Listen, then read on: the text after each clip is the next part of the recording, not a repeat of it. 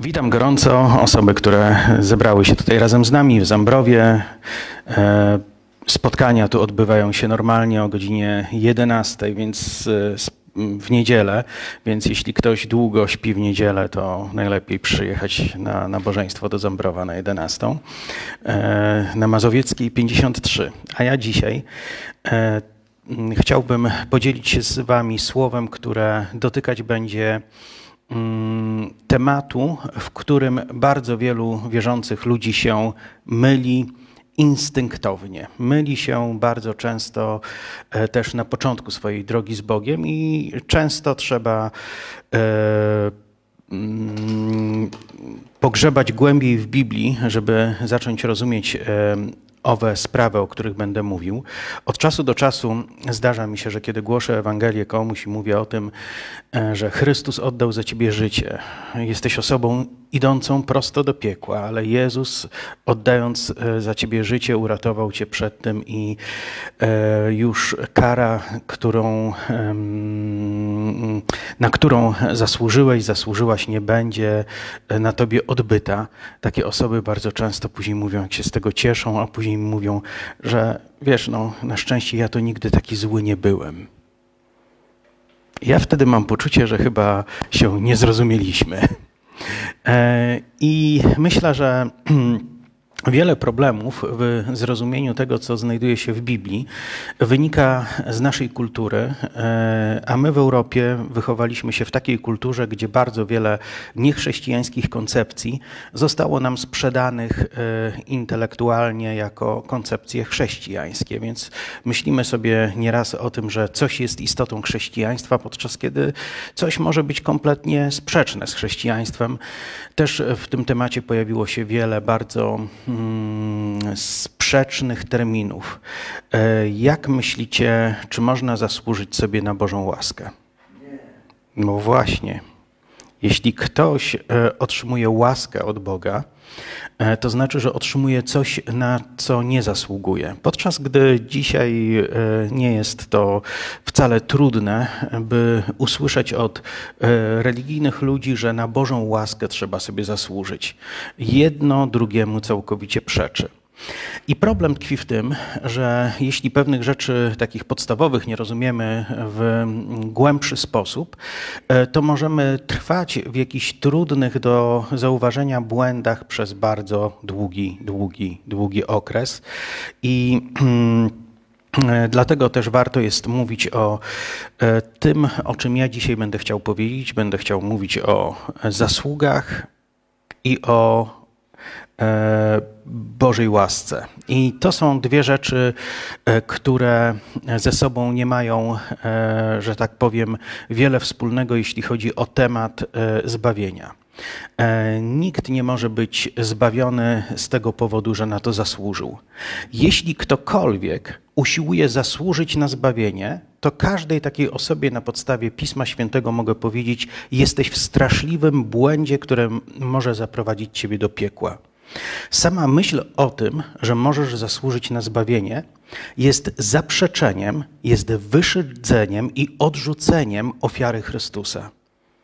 Bo jeśli ktoś mógłby zasłużyć sobie na zbawienie, to w ten sposób powiedziałby: Chrystus niepotrzebnie za mnie umierał. Ja te zbawienie mogę osiągnąć sam, bez Jego pomocy, nie potrzebuję do tego Jego ofiary, nie potrzebuję do tego Jego krwi, ja sam zasłużę na swoje zbawienie. To jest oczywiście kompletnie niewykonalne. Nikt y, z ludzi nie zostanie zbawiony w oparciu o y, własne zasługi. Jest tylko jedna osoba, która zasługuje na to, by przynieść nam zbawienie, i jest to Chrystus, który E, poprzez swoją ofiarę dokonał odkupienia naszych win. Wziął na siebie wszystkie nasze grzechy, wziął na siebie wszystkie nasze winy i dzisiaj przez wiarę, oddając Mu swoje życie, możemy e, doświadczyć pełni usprawiedliwienia. To znaczy, że e, Boży Syn, który wziął na nas, który wziął na siebie nasze grzechy, on staje przed Ojcem i mówi: Wszystko, czegokolwiek był winien On, czegokolwiek była winna ona, to ja za to zapłaciłem. moja ofiara tego dotyczyła. I teraz ta osoba jest sprawiedliwa usprawiedliwieniem, które pochodzi ode mnie. Jak myślicie, czy jest ktoś we wszechświecie, ktoś zorientowany, ktoś poważny, kto mógłby powiedzieć Chrystusowi: Twoja ofiara była niewystarczająca?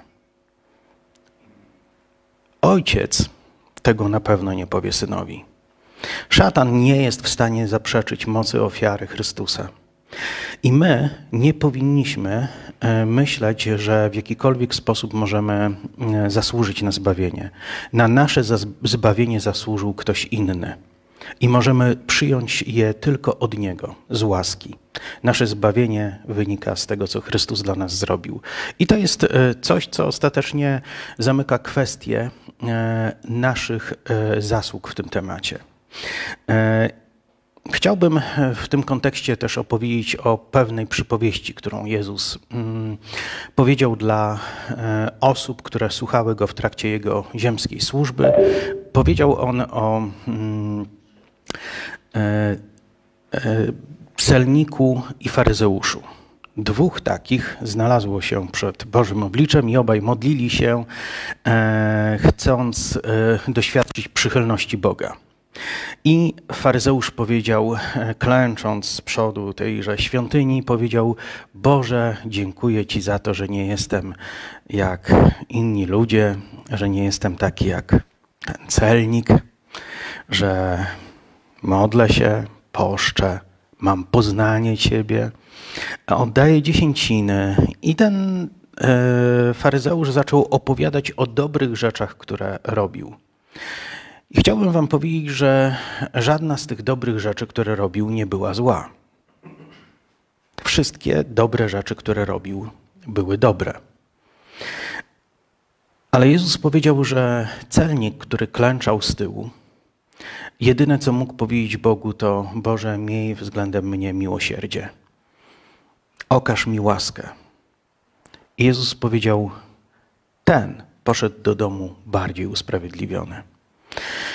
Z jakiego powodu? Myślę, że powinniśmy zrozumieć e, to, w jak trudnej kondycji jesteśmy, jeśli chodzi o naszą sprawiedliwość. Każdy człowiek, który myśli, że może być zadowolony z samego siebie, ze swoich czynów, ze swoich dokonań, jest w podobnej sytuacji jak u faryzeusz. Być może zrobiłeś, zrobiłaś jakieś e, dobre rzeczy jest wielu ludzi, którzy zrobiło wiele dobrego w życiu. Ale teraz, jeśli zadamy sobie pytanie, czy to jest wystarczające, by zrobić e, wrażenie na Bogu, to powiem Wam, że nie.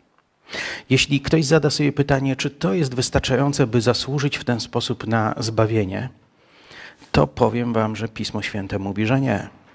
Jeśli ktoś. E, pomyśli sobie, zrobiłem tak wiele dobrego, na pewno nie trafię do piekła, to to nie jest dobra podstawa do tego, żebyśmy mogli w sobie wzbudzać taką nadzieję. Dlatego, że ludzka sprawiedliwość e, jest e, czymś, co nie może być naruszone w żaden sposób, jeśli mielibyśmy liczyć na osłonę naszej ludzkiej sprawiedliwości w celu naszego zbawienia. Biblia mówi, że nie ma na świecie ani jednego człowieka, który by na to zasługiwał. Ale są ludzie, którzy e, wykazują się różnym poziomem wirtuozerii w szarganiu tejże sprawiedliwości. I wyobraźmy sobie taką sytuację. Gdyby e, mnie i was tutaj dzieliła szyba i ta szyba byłaby obrazem sprawiedliwości, to wyobraźmy sobie, że Eliza, która siedzi najdalej, wzięłaby proce, w tej proce miałaby bardzo malutki kamyk naciągnęłaby, strzeliła i ta szyba rozleciałaby się. E, I Eliza by powiedziała: Zobaczcie, moja wina była tak mała jak orzech. Czy to był, miałoby sens? Szyba byłaby potłuczona, ale jej wina naprawdę byłaby niewielka. Ktoś inny rzuciłby e, jakimś większym kamieniem. Szyba byłaby tak samo rozbita. Ktoś inny wziąłby młotek i tym młotem walnął, ktoś inny by e, rzucił krzesłem, a ktoś inny wjechał samochodem w tą szybę. Za każdym razem rezultat byłby identyczny, mimo że narzędzie, którego użyliśmy do zniszczenia tej szyby, byłoby inne, prawda? I tak samo jest e, z ludzką sprawiedliwością. Biblia mówi, że wszyscy zgrzeszyli i wszystkim nam jest brak chwały Bożej. E, jeśli chodzi o nasze dobre uczynki, nasze dobre uczynki nie są w stanie tej szyby odtworzyć, nie są w stanie jej skleić. E, wszyscy bez względu na to, ile w naszym życiu było złych, ile było naszych dobrych uczynków, jesteśmy równi wobec tego dramatu, jakim jest kwestia naszego zbawienia lub potępienia. Nikt z nas nigdy, pomimo różnorodności w tym, jacy jesteśmy w grzeszeniu, nikt z nas nigdy nie zasłuży na lepsze lub gorsze piekło. Dlatego, że piekło jest jedno. Nikt z nas nie zasłuży na lepsze lub gorsze zbawienie, Dlatego, że jedyny sposób, w jaki możemy to osiągnąć, to poprzez wiarę w moc krwi Chrystusa, poprzez oddanie Jemu swojego życia. I to jest e, rzecz ważna. Każdy z nas e, gdzieś e, posiada w swoim wnętrzu potrzebę mm, dowartościowywania się poprzez swoje czyny. Myślę, że ogromna ilość działalności charytatywnej, myślę, że ogromna ilość e, różnych filantropijnych przedsięwzięć e, rodzi się nie z troski o potrzebujących bliźnich, tylko rodzi się o wiele bardziej z troski o to, by uspokoić własne sumienie albo by siebie dowartościować. Tak się e, często dzieje. I e, myślę też, że kiedy e, my jako ludzie patrzymy na siebie samych, to moglibyśmy, e, patrząc na swoje własne zasługi, oczekiwać, że możemy albo mamy prawo czuć się lepsi od innych, którzy tak dobrzy jak my nie są. Jednak jest to bardzo słaby argument.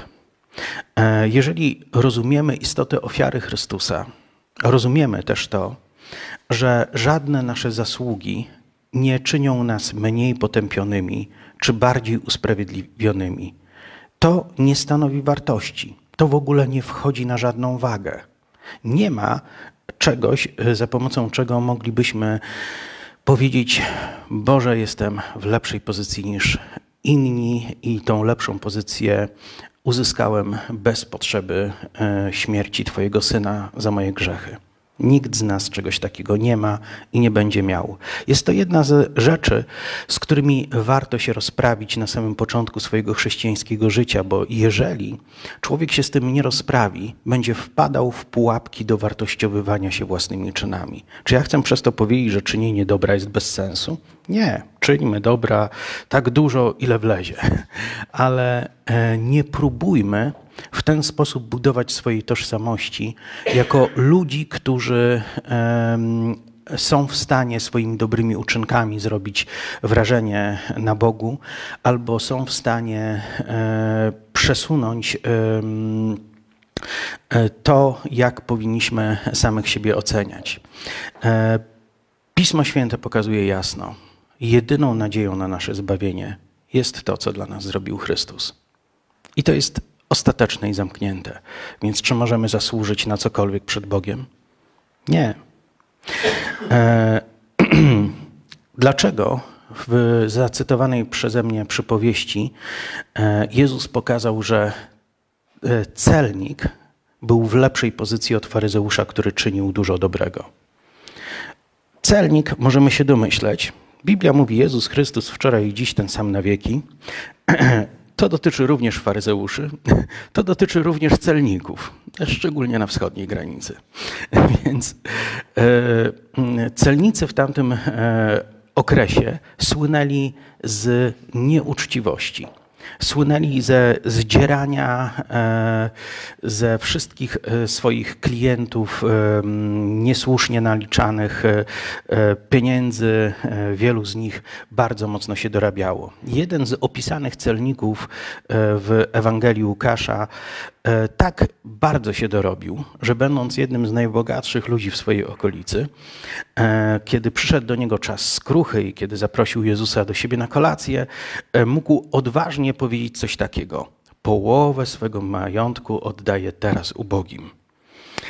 A jeśli spotkam kogokolwiek, komu coś ukradłem, oddam mu cztery razy tyle.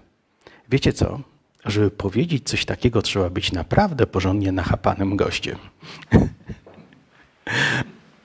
Więc to pokazuje pewien poziom gorliwości owych celników w e, owej nieuczciwości. Więc e, celnik w tamtym czasie był pewnego rodzaju synonimem człowieka zachowującego się w sposób łupieżczy, niesprawiedliwy e, i dorabiający się e, w paskudny sposób na innych. Dodatkowo celnicy byli swego rodzaju czymś takim jak to, co w Polsce za okupacji nazywano folkschdeutsami, czyli oni kolaborowali z okupacyjnymi władzami. Byli to ludzie bardzo pogardzani, byli to ludzie nieuczciwi. Więc zobaczmy teraz e, tą e, sytuację jeszcze raz. Z jednej strony e, faryzeusz, który opowiada o swoich postach, o swoich dziesięcinach, o swojej ofiarności, o swoich modlitwach, o swojej gorliwości, i wcale nie jest to dobrze odbierane przez Chrystusa.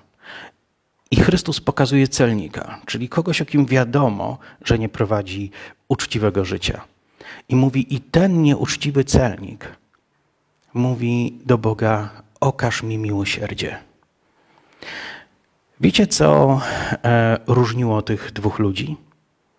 Poza tym, że jeden był gorliwy w dobrych uczynkach, a drugi w wręcz przeciwnych. To, że jeden właściwie oceniał samego siebie, a drugi nie. Czyny sprawiedliwości, które kiedykolwiek popełniliśmy, one nas nie definiują przed Bogiem. E, one nie sprawiają, że e, stajemy się ludźmi, którzy mogą pokazać palcem na siebie jak ów celnik i powiedzieć: Boże, jestem porządnym gościem. Naprawdę cool ze mnie facet. Jeśli potrzebujesz mieć w niebie sam uczciwy personel, to ja jestem gościem, na którym warto zawiesić oko. Jestem spokojny o swoją wieczność. Nikomu nic złego nie zrobiłem. Wiecie, wielu ludzi w ten sposób myśli, ale to nie jest dobry sposób myślenia. Człowiek, który poszukuje zbawienia w Bogu, powinien być nastawiony na to, jak doświadczyć Bożego miłosierdzia a nie jak zrobić wrażenie na Bogu swoimi zasługami. Więc jeśli komukolwiek coś takiego e, chodziło kiedykolwiek po głowie, to to jest ten pomysł, który trzeba porzucić. To się nie uda. Jedyny sposób e, to przyjęcie łaski.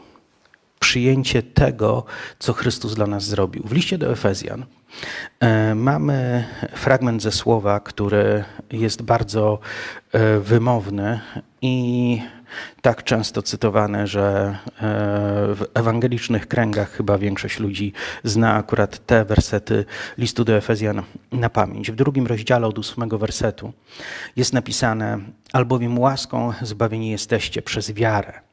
I to nie z was, Boży to dar, nie z uczynków, aby się kto nie chlubił. Ciekawe, prawda? Jesteśmy zbawieni całkowicie z łaski.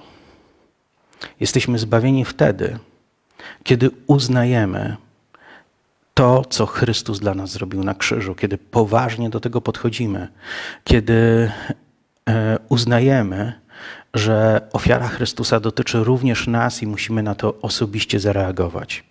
To nie jest fakt historyczny, który zmienia wszystko dla całej ludzkości, ale to jest wydarzenie duchowe, w którym możemy mieć udział wtedy, kiedy z tym duchowym wydarzeniem w duchowy sposób się połączymy. Wtedy, gdy w swoim sercu okażemy wiarę wobec mocy tej ofiary i uznamy Chrystusa za tego, który oddaje swoje życie za nas. W innym przypadku będzie to tylko jeden z wielu ukrzyżowanych przez Rzymian Żydów. Było takich naprawdę wielu. Być może o tyle wyjątkowy, że był jakimś nauczycielem i dużo było wokół niego splendoru. Ale jeżeli nie zdecydujemy się na przyjęcie osobistego stanowiska, jeśli nie zdecydujemy się na przyjęcie takiego mm, podejścia, że jest to sprawa, która naprawdę dotyczy mnie, i odsuwam na bok całą ludzkość i to, co cała ludzkość zrobi z ofiarą Chrystusa. Teraz liczy się tylko to, co Chrystus zrobił dla mnie i w jaki sposób ja na to odpowiem. Potrzebujemy podejść do tego duchowo. I Biblia mówi, że jesteśmy zbawieni darmo, nie z uczynków, aby się kto nie chlubił. I tu jest pokazany problem jednego z dwóch ludzi z przypowieści, e, o której wspomniałem. Jeden z nich miał powód do chluby. Z czego był dumny? Z siebie. I to było jego tragedią. Apostoł Paweł w jednym z miejsc w swoich listach używa takiego określenia, że chwałą ich jest to, co jest ich hańbą. To, co jest dowodem na ich e, hańbę, to oni przedstawiają jako dowód na swoją chwałę. I to powinniśmy rozumieć, że kiedy człowiek pokłada nadzieję w samym sobie, e, wtedy Bóg przestaje być dla niego Bogiem. E, kiedy przyjmujemy postawę czci wobec e, Chrystusa, wobec tego wszystkiego, co dla nas zrobił, naturalną rzeczą będzie to, że zdejmiemy wzrok z samych siebie i uwagę z samych siebie. Ale jeżeli zaczynamy być coraz bardziej dumni z siebie, to wtedy jest w naszym życiu i w naszej świadomości coraz mniej miejsca na Boga. To jest jedna z postaw, których musimy się nauczyć. W współczesnym e, formowaniu e, chrześcijańskiego życia bardzo często poświęcamy dużo czasu na różnego rodzaju nauki. Jednak e, ja myślę, że e, są pewne rzeczy, których jeśli nie odrobimy e, na samym początku, to później z ich powodu możemy kulać przez resztę życia. Wielokrotnie stykałem się z ludźmi, którzy byli wierzący 10, 20 czy czasami nawet o wiele, wiele więcej lat, którzy mieli problem z tym, że kiedy w ich życiu działo się coś niewłaściwego, to po chwili zaczynali e, wyrażać pretensje w stosunku do Boga i mówić: No przecież całe życie gorliwie służyłem Bogu, robiłem to, robiłem tamto. Powiem Wam coś jeszcze. Niestety, ale nie znam tego tylko i wyłącznie z relacji innych ludzi. Sam nie jeden raz przyłapałem się na takiej postawie działo się coś niewłaściwego w moim życiu. I od razu we mnie powstawała wyliczanka rzeczy, które robię i które Bóg powinien zapamiętać. I powinienem mieć e, przez to jakieś punkty u Niego. E, to jest pułapka. To jest pułapka, w której diabeł bardzo chętnie by widział nas wszystkich. Chciałby, żebyśmy angażowali się w rzeczy dobre, słuszne, e, dobrze wyglądające. Chce, żebyśmy zaczęli budować poczucie własnej wartości w oparciu o to i chce, abyśmy później w oparciu o to, czego dokonaliśmy, żebyśmy zaczęli mieć oczekiwania w stosunku do Boga, że odwzajemni się nam za to dobre, które uczyniliśmy. To jest pułapka. To jest kompletna pułapka. Jeśli Bóg kiedykolwiek zrobi coś w naszym życiu, to robić to będzie, oczekując z naszej strony wiarę, wiary, a ze swojej strony będąc motywowanym łaską. Kiedy otrzymujemy coś z łaski, to otrzymujemy coś, na co nie zasługujemy. Ale kiedy my domagamy się od Boga, by dał nam coś, na co zasługujemy, wtedy tak naprawdę stawiamy siebie i Jego w bardzo trudnym położeniu. Bo wiecie, na co zasługujemy? Dokładnie. Żaden wierzący człowiek nie powinien domagać się sprawiedliwości. Każdy wierzący człowiek powinien domagać się łaski. I to był problem celnika i faryzeusza. Jeden z nich wierzył, że jeśli będzie powoływał się na sprawiedliwość, to zrobi dobre wrażenie na Bogu i Bóg będzie musiał e, go pobłogosławić. Drugi wiedział, że jeśli będzie domagał się sprawiedliwości, to będzie to robił na swoją szkodę, bo wszelka sprawiedliwość, która by miała go dotknąć, byłaby dla niego zgubieniem, a nie zbawieniem. Tyle, że jeśli ktoś rozbija tą szybę z procy i patrzy na człowieka, który obok wjechał w tą szybę samochodem, to myśli: Ja jestem w lepszej pozycji. Ja zrobiłem mniej złego i więcej dobrego. To jest coś, czego musimy się oduczyć to jest e, coś, co musi zmienić się w naszych wyobrażeniach, e, dlatego że tak długo, jak długo będziemy żyli z takim wyobrażeniem, tak długo w momentach, w których będziemy potrzebowali Bożego działania i Bożej łaski w swoim życiu, to swoimi modlitwami, swoimi niewłaściwymi oczekiwaniami, e, swoim poczuciem zasług, jakie mamy wobec Boga, tak naprawdę będziemy Boga odpychali od siebie, a nie przyciągali. Nieraz zdarza się, że e, modlitwa człowieka brzmi jak bluźnierstwo, podczas gdy człowiek w ogóle nie zastanawia się nad tym i nie myśli, że właśnie obraża Boga. Boże, za co Ty mi to zrobiłeś? Ja nie chcę nic od Ciebie, ja się zgodzę z Twoim wyrokiem, tylko Ty mi wyjaśnij, za co to, ta kara na mnie przyszła, abym ja to zrozumiał. A jeśli Bóg ci tego nie zrobił, tylko diabeł, i dzieła diabła nazywasz dziełami Boga, i prosisz Boga, aby Bóg się wytłumaczył z dzieł diabła w Twoim życiu, to jest jeden z przykładów tego, w jaki sposób człowiek może e, wypowiadać bluźnierstwa, myśląc, że się modli i wyraża w ten sposób pokorną postawę. Boże, ja się z tym zgodzę. Ja nawet nie proszę, żebyś to zmienił, tylko wyjaśnij, za co mnie ukarałeś. Czy to nie brzmi pokornie? To w ogóle zasługuje na e, to, żeby e, znaleźć się w jakimś modlitewniku i żeby ludzie e, przez kolejne pokolenia to powtarzali. Ale problem tkwi w tym, że jest to bluźniercze. Bo Bóg nie zajmuje się karaniem nas za nasze winy, Bóg zajmuje się próbą dotarcia do nas z poselstwem usprawiedliwienia i z zaproszeniem nas do społeczności z Nim. Złe rzeczy zdarzają się ludziom.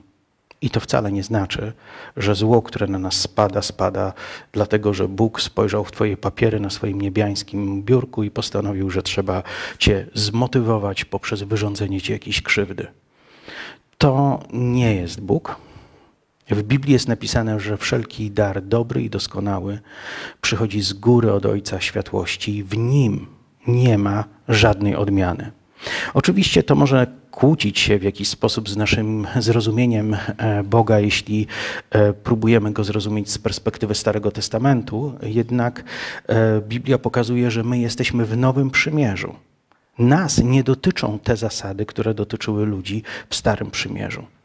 Jeśli jesteśmy naprawdę e, osobami, które oddały życie Bogu, nigdy nie powinniśmy oczekiwać tego, że Bóg nas e, za coś ukara w jakiś straszny sposób. Powinniśmy za to być świadomi, że Bóg nieustannie chce, abyśmy stawali się ludźmi żyjącymi bliżej Niego, bardziej poznającymi Jego miłość, Jego troskę, Jego charakter, Jego obecność w naszym życiu, Jego ducha i abyśmy Jego duchowi pozwolili się prowadzić tak, aby nasze życie było chwalebne, e, a nie e, było rezultatem e, przypadków. Więc w jaki sposób swoimi zasługami możemy poprawić swoją sytuację i czy możemy ją w ogóle? Jeśli chodzi o zbawienie, nie. Ale czy to ma sens, by czynić dobrze? Myślę, że pytanie zupełnie retoryczne. Tak, to ma sens, by czynić dobrze. E, I chciałbym jeszcze raz przeczytać ten fragment z e, listu e, do Efezjan, czytając dodatkowy jeden werset dalej. Albowiem łaską zbawieni jesteście przez wiarę, i to nie z was, Boży to dar. Nie z uczynków, aby się kto nie chlubił. Jego bowiem dziełem jesteśmy stworzeni w Chrystusie Jezusie do dobrych uczynków, do których przeznaczył nas Bóg, abyśmy w nich chodzili. E, pozornie wygląda to na sprzeczność. Z jednej strony jest napisane, że jesteśmy zbawieni nie z uczynków, ale jesteśmy stworzeni do dobrych uczynków. Na czym e, e, powinniśmy skupić swoją uwagę? Więc pierwsza rzecz, jeśli myślisz, że Twoje dobre czyny kiedykolwiek będą mogły postawić Ciebie w takiej postaci, że będziesz mniej zasługiwał na piekło albo bardziej zasługiwał na zbawienie, to Biblia mówi, że to jest nieprawda. Nie możesz być zbawiony w oparciu o swoje dobre uczynki.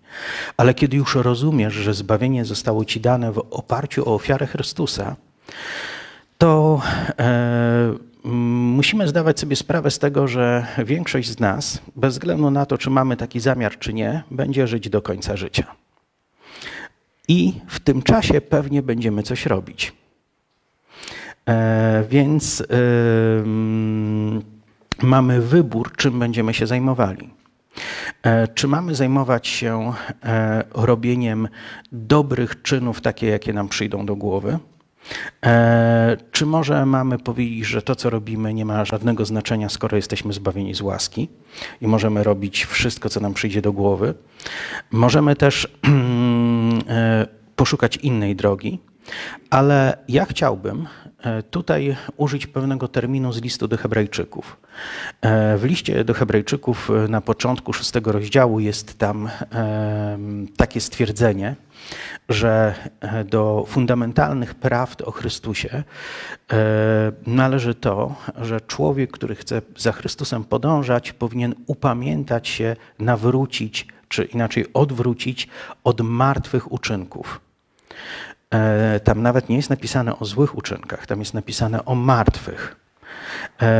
Ja zrobię na potrzeby tego spotkania taką definicję. Co to jest martwy uczynek? Logicznie rzecz biorąc, to uczynek, który nie jest żywy.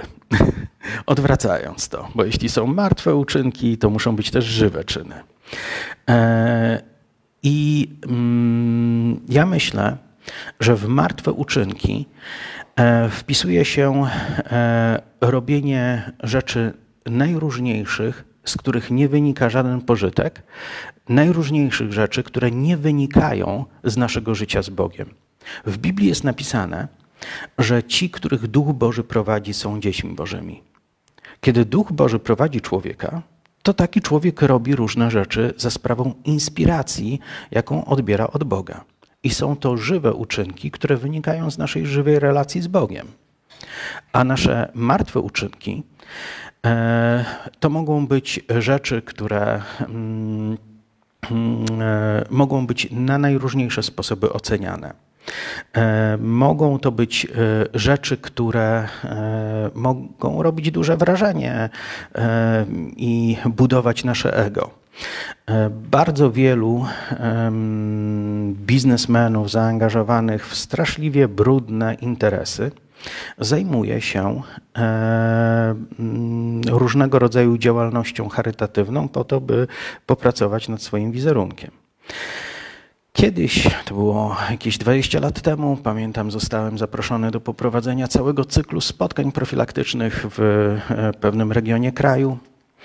I e, w trakcie, kiedy prowadziłem te spotkania, przenikła do mnie informacja, że człowiek, który sponsoruje te działania w tych wszystkich szkołach, prawdopodobnie jest e, zamieszany w e, handel narkotykami na dużą skalę w tym regionie. A zrobił to, żeby, a zaprosił nas, żeby zrobić sobie dobry PR. Poczułem się bardzo niedobrze z tą informacją. Zdarzało się, że na duże kampanie e, antynarkotykowe zapraszali mnie e, ludzie, którzy chcieli robić karierę polityczną czy też tam samorządową. E, I ja nie do końca zdawałem sobie sprawę z tego, że staje się narzędziem w ich interesach, z którymi niekoniecznie chciałbym mieć coś wspólnego, ale przez 20 lat pracy jako profilaktyk uzależnień. E, znalazłem się w różnych, najróżniejszych okolicznościach, więc e, mm, e, nie jedna osoba też chciała użyć tego, co robiłem. Mam nadzieję, że mm, nie stałem się podkładką i narzędziem w zbyt wielu takich sytuacjach, ale ja zdaję sobie z tego sprawę, że bardzo często ludzie chcą zakryć e, to, czym naprawdę się zajmują, poprzez e, tworzenie takiego medialnego wizerunku siebie jako kogoś, kto angażuje się w dobre przedsięwzięcia. I czasami w związku z tego typu doświadczeniami zastanawiam się, czy w różnych sytuacjach nie zrobiłem więcej złego jak dobrego, ale zejdźmy z tego. Chciałbym pokazać e, pewną e, ciekawą historię, która jest prawdziwa. E, pewnego razu młody, nastoletni chłopak zaczął tonąć w rzece. Co w takich sytuacjach się robi? Ratuje się, prawda? I myślę, że to jest najnormalniejszy odruch, nad którym nie powinniśmy się e, zastanawiać i nie powinniśmy e, robić z tego problemu filozoficznego. Któregoś razu taki młody chłopak się topił. I pewien ksiądz rzucił się do wody i go uratował. Coś dobrego, prawda? Ten młody chłopak Później, później trochę się zestarzał. E, oglądając filmy z Charlie Chaplinem, postanowił, że musi zrobić sobie identyczny wąsik, jak Charlie miał na e, tych filmach. Wiecie o kogo chodzi? Kiedyś młodego Adolfa, tonącego w tej rzece, wyciągnął z wody jakiś ksiądz. To się naprawdę wydarzyło. Wiecie, ja nie wiem, jakie rzeczy gdzieś w głowie tego księdza po latach musiały siedzieć, a jestem przekonany, że ludzkość nie jest mu wdzięczna te, za to, że uratował Adolfa. E, co wcale nie znaczy, że łatwo byłoby mi się pogodzić z obrazem tonącego e, nastolatka. Ale co chcę przez to powiedzieć? Na pewno nie chcę szukać odpowiedzi na to, czy ten ksiądz powinien to zrobić, czy nie zrobić. Szukanie odpowiedzi na to nie ma sensu, to już się stało. I wszystkie konsekwencje, jakie tego były, też się stały. Ale chcę pokazać na jedną rzecz. Nieraz, kiedy robimy dobre rzeczy według naszego wyobrażenia, może się okazać, że wcale dobre nie są. Kiedy e, przyjrzelibyśmy się ludzkiemu życiu swojemu własnemu na przykład, e, ale życie bliźnich też jak najbardziej się nadaje do takich obserwacji. Kiedy obserwujemy bliźnich, to po prostu jest obserwacja mniej bolesna. Bardziej boli, jak obserwujemy samych siebie. Ale gdybyśmy e, spojrzeli na to, jak wygląda życie ludzi, to odkrylibyśmy, że ludzie robią sobie największe krzywdy w momencie, kiedy podejmują decyzje, co do których są przekonani, że to jest najlepsza decyzja w ich życiu. Która, w rezultacie której będą totalnie uszczęśliwieni na resztę swoich dni.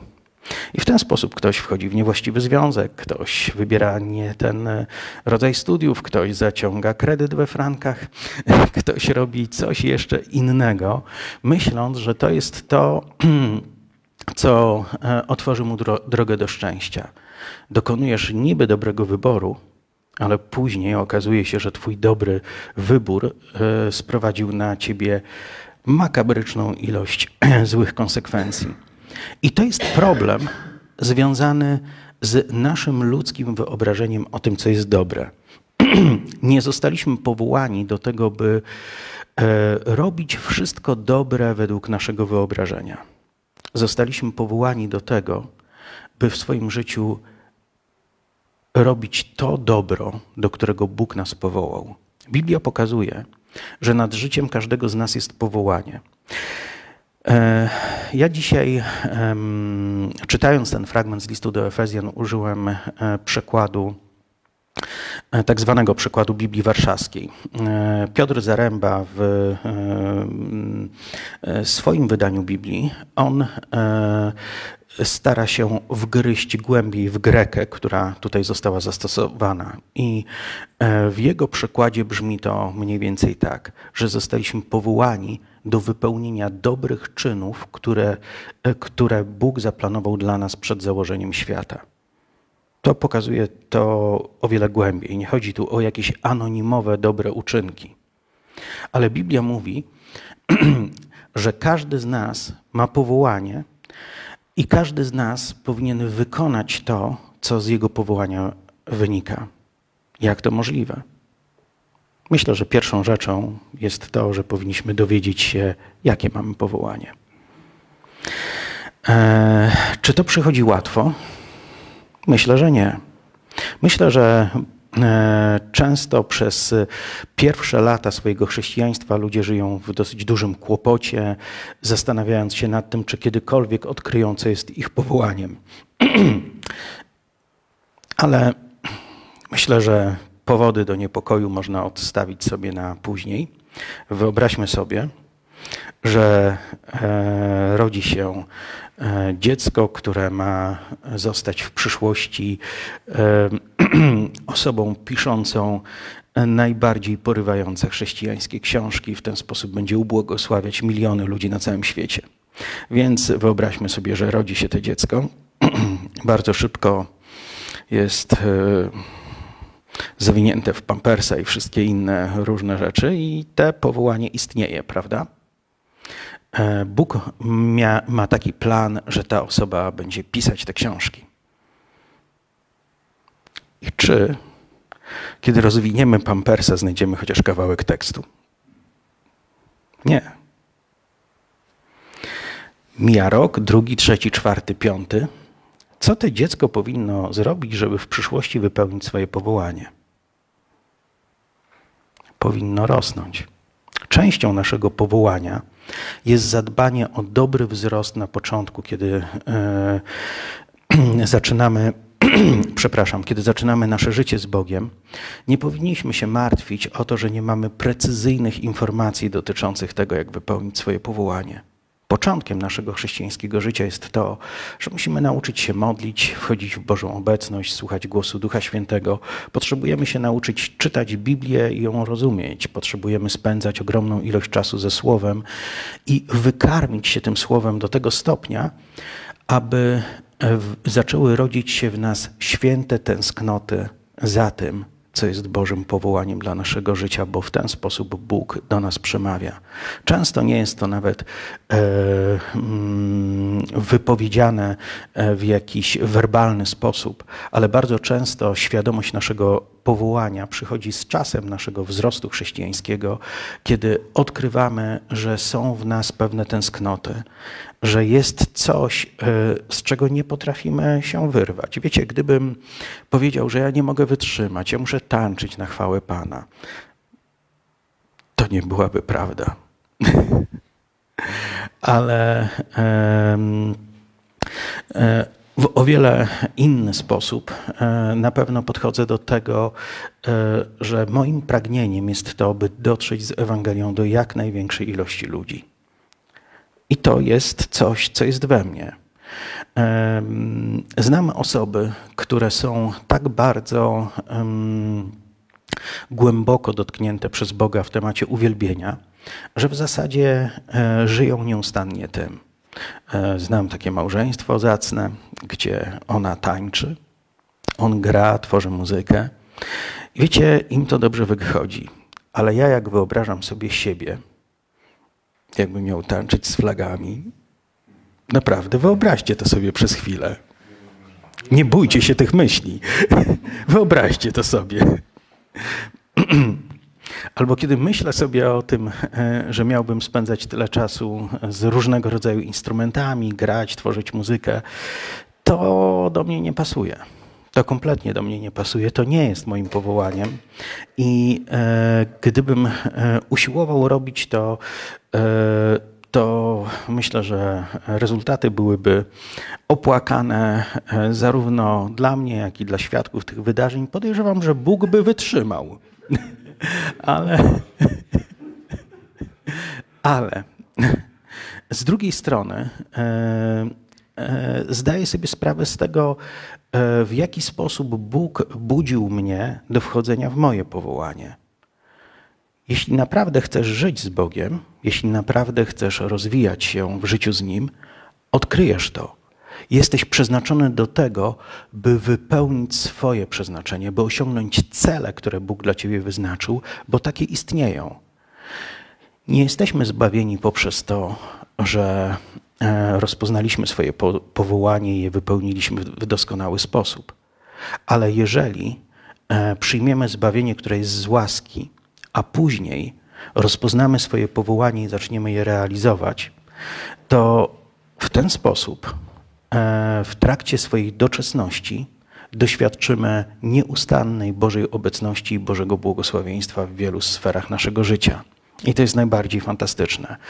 E, po drodze do nieba e, nie przechodzisz przez bezsensowne cierpienie, które sprowadzasz na siebie, żyjąc swoim egocentrycznym życiem, ale przechodzisz z chwały w chwałę, z wiary w wiarę, z mocy w moc, przez cały czas doświadczając e, Bożej obecności w swoim życiu. I to jest fantastyczne. Bóg daje nam możliwość przeżyć nasze życie tutaj w e, swojej bliskości i powinniśmy z tego skorzystać. Jeśli z tego nie skorzystamy, a pozostaniemy osobami wierzącymi i e, trwającymi przy Bogu, możemy doświadczyć jak najbardziej zbawienia, ale zmarnujemy swoją doczesność, a nasza doczesność to jest jedyny okres w którym możemy zapanować nad tym, e, co się w naszym życiu dzieje. Więc e, spójrzmy na to w taki sposób. Nie możesz nic zrobić, aby poprzez to zostać zbawionym. Nie zasłużysz na zbawienie. To Chrystus oddaje swoje życie i to On zasługuje na Twoje zbawienie, które możesz od Niego przyjąć. On Ci oferuje je z łaski. Ale kiedy jesteś już osobą, która przyjęła zbawienie, to e, masz do przeżycia całą swoją doczesność. I możesz w tej doczesności e, nie zastanawiać się nad tym, co masz robić i płynąć z prądem. To nie jest dobry pomysł. Możesz e, stwierdzić, że chcesz rozpoznać, jakie jest dla ciebie Boże powołanie, a Bożym powołaniem dla ciebie nie jest robienie dobrych rzeczy według mojego wyobrażenia. Bożym powołaniem dla ciebie jest robienie dokładnie tego, czego Bóg od ciebie chce, a żebyś ty o tym się dowiedział, to naprawdę musisz zainwestować swój czas w to, żeby dobrze się rozwijać, żeby karmić się Bożym Słowem, żeby przebywać w obecności Ducha Świętego. Biblia też mówi o tym, że jest nagroda. Oddzielmy od, od siebie te dwa terminy: zbawienie i nagroda. Wyobraźmy sobie taką sytuację. Jesteś rozbitkiem na morzu i zbawieniem dla ciebie jest to, jeśli wyciągną ciebie z wody i znajdziesz się na pokładzie statku ratunkowego. To jest zbawienie. Przepraszam, każdy wołający o pomoc rozbitek e, jest wyławiany z wody, wyciągają go, pakują na pokład tego statku, ale wyobraźmy sobie taką sytuację.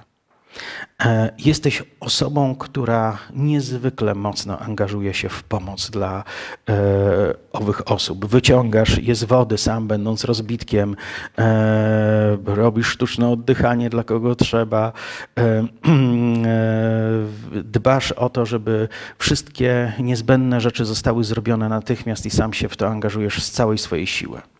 E, wszyscy rozbitkowie pozostają na pokładzie, bo nie ma gdzie ich zmieścić, ale ktoś dostrzega Twoją gorliwość. I kapitan zaprasza Ciebie do swojej kajuty, gdzie daje Ci herbatę, gdzie siedzi z Tobą, gdzie mówi: Ty możesz tutaj zostać, nie mam miejsca dla wszystkich, ale dla Ciebie zawsze znajdzie się miejsce lepsze niż dla wszystkich pozostałych. Rozumiecie różnicę między zbawieniem a nagrodą? Biblia mówi o tym, że, przepraszam, Biblia mówi o tym, że jest nagroda dla osób, które spędzą swoje życie e, w posłuszeństwie Bogu. E, więc mamy zbawienie, które jest z łaski. I kiedy znajdziemy się już w niebie, to Biblia mówi, że będziemy jak gwiazdy.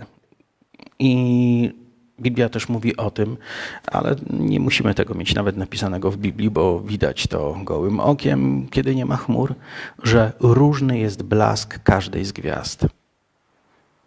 Jeśli jesteś osobą, która przeżyje życie w posłuszeństwie Bogu, e, wtedy e, Twoja nagroda, nie zbawienie, Twoja dodatkowa nagroda w niebie będzie większa. E, to jest bardzo głupia i kiepska postawa, kiedy z kimś się rozmawia, próbując e, nawróconą osobę zmotywować do tego, by e, wykazała się większą gorliwością w poszukiwaniu Bożej woli. I taka osoba mówi: Ja to zbawiony jestem z łaski, ja nic nie muszę. To nie jest dobry pomysł. Jesteśmy zbawieni z łaski. Ale poza zbawieniem jest jeszcze nagroda. Więc wyobraźmy sobie, że mamy ludzi, którzy interesują się tylko swoim zbawieniem i ludzi, e, którzy poza zbawieniem chcą nagrodę. Nagroda cechuje się tym, że jest wieczna. Biblia mówi, Jezus tak o tym powiedział, że idąc do nieba idzie przygotować dla nas mieszkania. Czy ktoś z Was chciałby mieć wypasioną chatę? Albo czy ktoś z Was ma wypasioną chatę? Czy ktoś z nas zrobiłby dużo, żeby mieć jeszcze fajniejszy dom? Zwykle mm, dla większości ludzi, nie dla wszystkich, ale dla większości ludzi dom jest jedną z najwyższych wartości, jakie mamy. Chcielibyśmy czuć się w nim dobrze, chcielibyśmy, żeby był naszą twierdzą, żeby był miejscem naszego odpoczynku, żeby był miejscem e, naszego życia. Jezus, który mówi, że idzie przygotować nam dom, e, on przygotuje nam ten dom pod kątem tego, e, co my ze swoim życiem zrobiliśmy tutaj na ziemi. I apostoł Paweł w liście do Koryntian mówi o tym, że w życiu wierzących ludzi jest jeden fundament i tym fundamentem jest Chrystus. Nie ma dwóch różnych Chrystusów. Nie ma Chrystusa klasy A i Chrystusa klasy B. Nie ma Chrystusa większej y, jakości i mniejszej jakości. Jest jeden Chrystus. On jest podstawą e, naszego życia z Bogiem, Jego ofiara. I apostoł Paweł powiedział, że fundamentem naszego życia jest Chrystus. I później powiedział, a każdy z Was niech zwróci uwagę na to, jak na tym fundamencie buduje.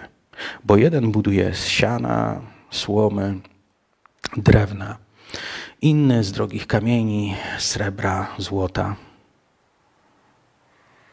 Wiecie, tu są dwa rodzaje budulca. Jeden jest bardzo łatwo dostępny i szybko spalający się. Drugi jest niesamowicie drogi. Ale apostoł Paweł później pisze, że jakie dzieło każdego jest, zostanie wypróbowane przez ogień. Więc to pokazuje, że bardzo wielu ludzi na fundamencie swojej wiary zbuduje bezwartościową konstrukcję. Na szczęście to, co Paweł pisze dalej, to mówi, że jeśli czyjeś dzieło zbudowane na tym fundamencie spłonie, to on sam szkodę poniesie, ale zbawiony będzie. Ale ten, którego dzieło nie spłonie, otrzyma nagrodę. Więc wyobraźmy sobie,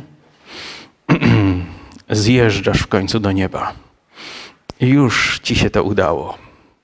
E, rosyjski kierowca tira na chwilę się zapomniał, odpalając papierosa, skręcił na niewłaściwy pas i w ten sposób szczęśliwie zakończyłeś swoją ziemską tułaczkę i jesteś w niebie. Pełen entuzjazmu wchodzisz i okazuje się, że masz e, taką małą klitkę na poddaszu. Jesteś zbawiony. Super. Cudownie i trudno byłoby to jakoś e, umniejszać. Ale patrzysz na inne osoby, które mają ogromne pałace i wiesz, że to jest na zawsze. Że twoja malutka chatynka jest na zawsze, I tamten pałac też jest na zawsze. I kiedy zaczynasz zadawać sobie pytanie, dlaczego? Jestem zbawiony, dziękuję Ci Boże. Ale dlaczego ja teraz przez wieczność mam to, a On przez wieczność ma to? Bóg Ci odpowie, bo ja w doczesności miałem Go bardziej niż Ciebie. W doczesności to Ty miałeś swoje życie bardziej dla siebie niż dla mnie. Rozumiecie, co chcę powiedzieć? To są dwa różne pojęcia, które musimy od siebie oddzielić. Jedna kwestia to jest kwestia naszego zbawienia. O to powinniśmy zabiegać i to jest najważniejsze. Ale kwestia naszej nagrody to jest coś, co wypływa z naszego posłuszeństwa. I nie próbujmy e, zamienić terminu posłuszeństwo na mm, e, bez E,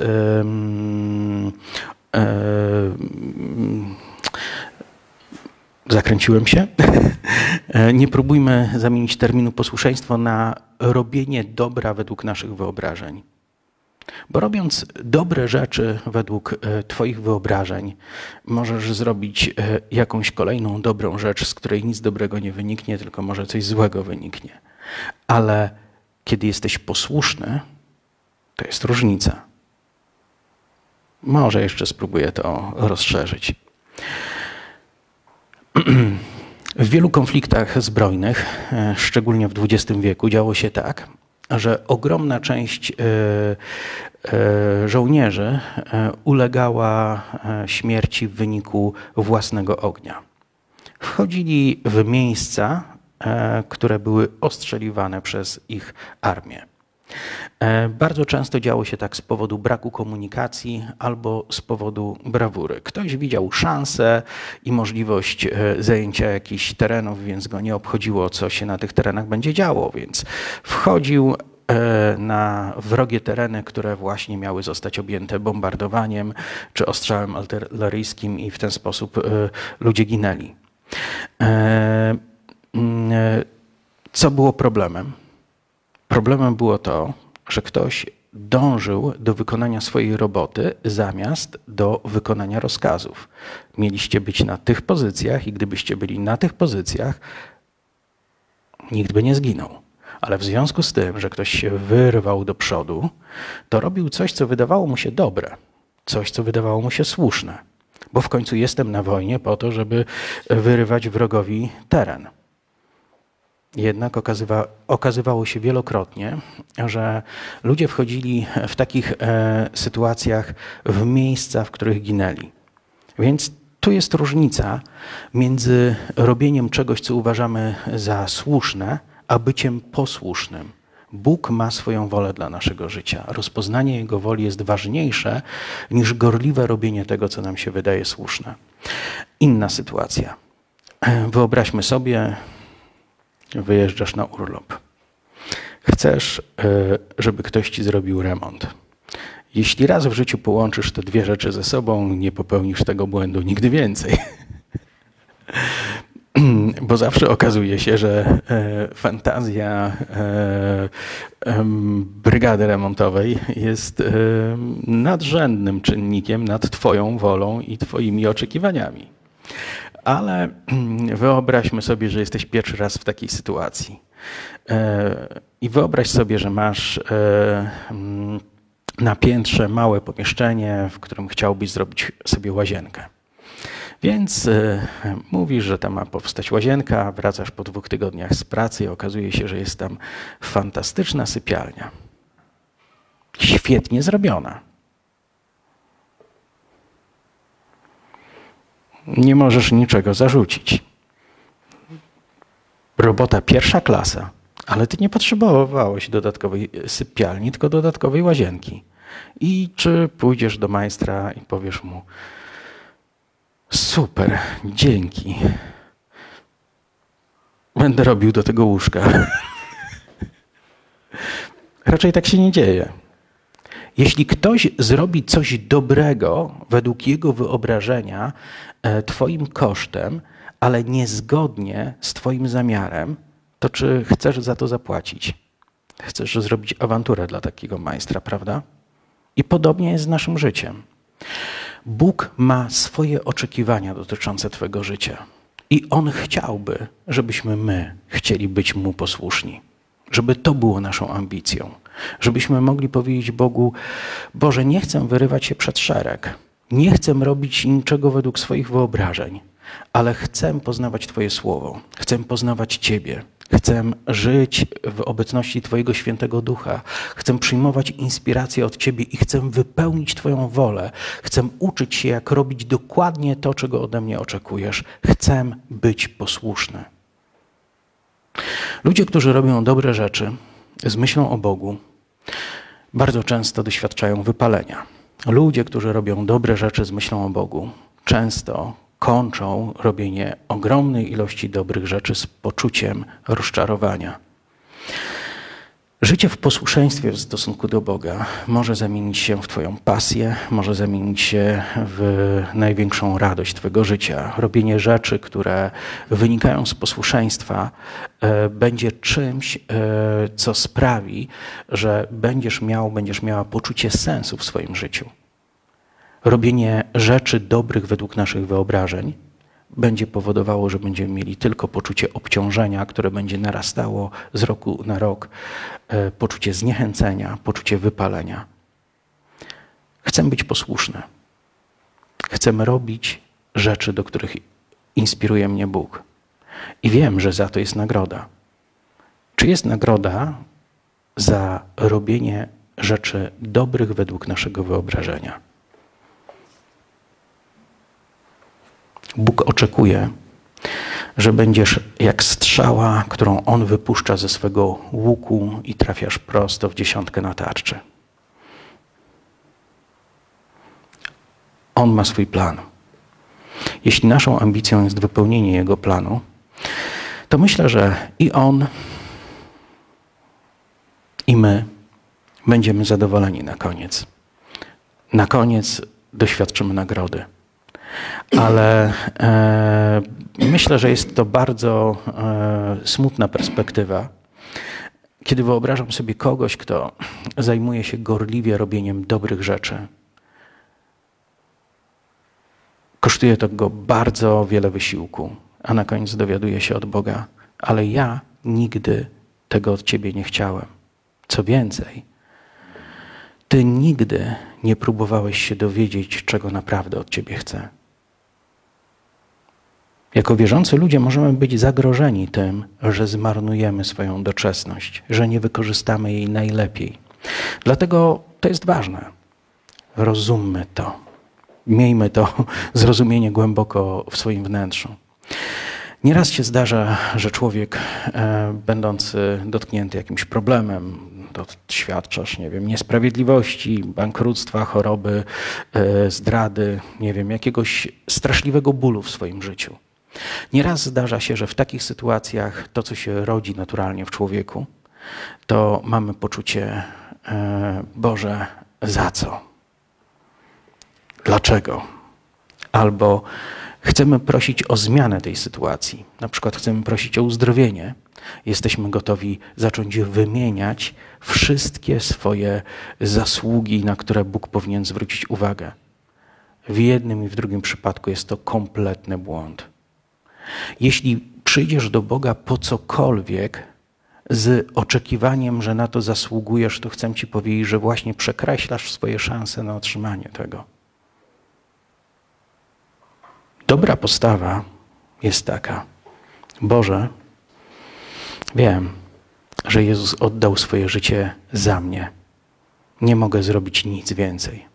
Nie mogę niczego do tego dołożyć. Ale jeśli byłem dla Ciebie wart, tego, by Twój syn oddał za mnie swoje życie, to chcę Cię prosić o coś, co jest nieporównywalnie mniejsze, co jest błahe. I chcę prosić, abyś to zrobił z powodu tej samej dobroci, z powodu tej samej łaski, z powodu tego samego miłosierdzia, które sprawiło, że Twój syn zdecydował się ratować mnie, gdy szedłem do piekła. Miejmy właściwą postawę w stosunku do Boga nie zrobisz na nim nigdy niczym wrażenia. Nie zasłużysz na nic. Nie przychodź do Boga nigdy ze swoimi zasługami. Nie próbuj prosić, by łaska zamanifestowała się jako zapłata za to, co zrobiłeś. E, Boża łaska, której potrzebujemy tutaj, wynika z Bożego łaskawego serca, a nie z naszej dobroci. To taki dodatkowy wykład dotyczący modlitwy. E, mam poczucie, że dałoby się powiedzieć to lepiej, ale trudno. Zostało już powiedziane to w takiej wersji, w jakiej zostało powiedziane. Jedyne, co mi pozostaje, to liczyć na to, że e, z tego przekazanego słowa będzie e, pożytek w waszym życiu. Także proszę, przemyślmy to, zrób, zróbmy coś z tym. Chrześcijanie zwykle nie mylą się w jakichś potężnych rzeczach, w których obawiają się, że mogliby popełnić jakąś herezję. Najczęściej mylimy się w subtelnych sprawach, gdzie nikt się nie spodziewa tego, że żyjemy w jakimś błędzie. Niczym e, nie jesteśmy w stanie zasłużyć na Boże działanie tutaj. E, żyjąc w posłuszeństwie, zasłużymy na większą nagrodę. Nigdy nie zasłużymy na zbawienie, bo mamy to z łaski. Nie zasłużysz nigdy na uzdrowienie, bo masz to z łaski. Nie zasłużysz nigdy na Boże błogosławieństwo w swoim życiu, bo masz to z łaski. Ale jeśli przychodzisz po coś, co jest z łaski, ze swoimi zasługami, to w ten sposób blokujesz przepływ Bożej łaski w swoim życiu. Uwolnijmy się od poczucia, że możemy coś w ten sposób osiągnąć. To jest naprawdę ważna lekcja. I mimo, że da się to powiedzieć w kilku zdaniach, to dla niejednego wierzącego człowieka długie lata zajmuje naprawdę zmienienie swojej wewnętrznej postawy, tak by nie blokować Bożego działania, zapatrując się we własne zasługi. Także życzę Wam swobodnego doświadczenia Bożej łaski. I na tym zakończę.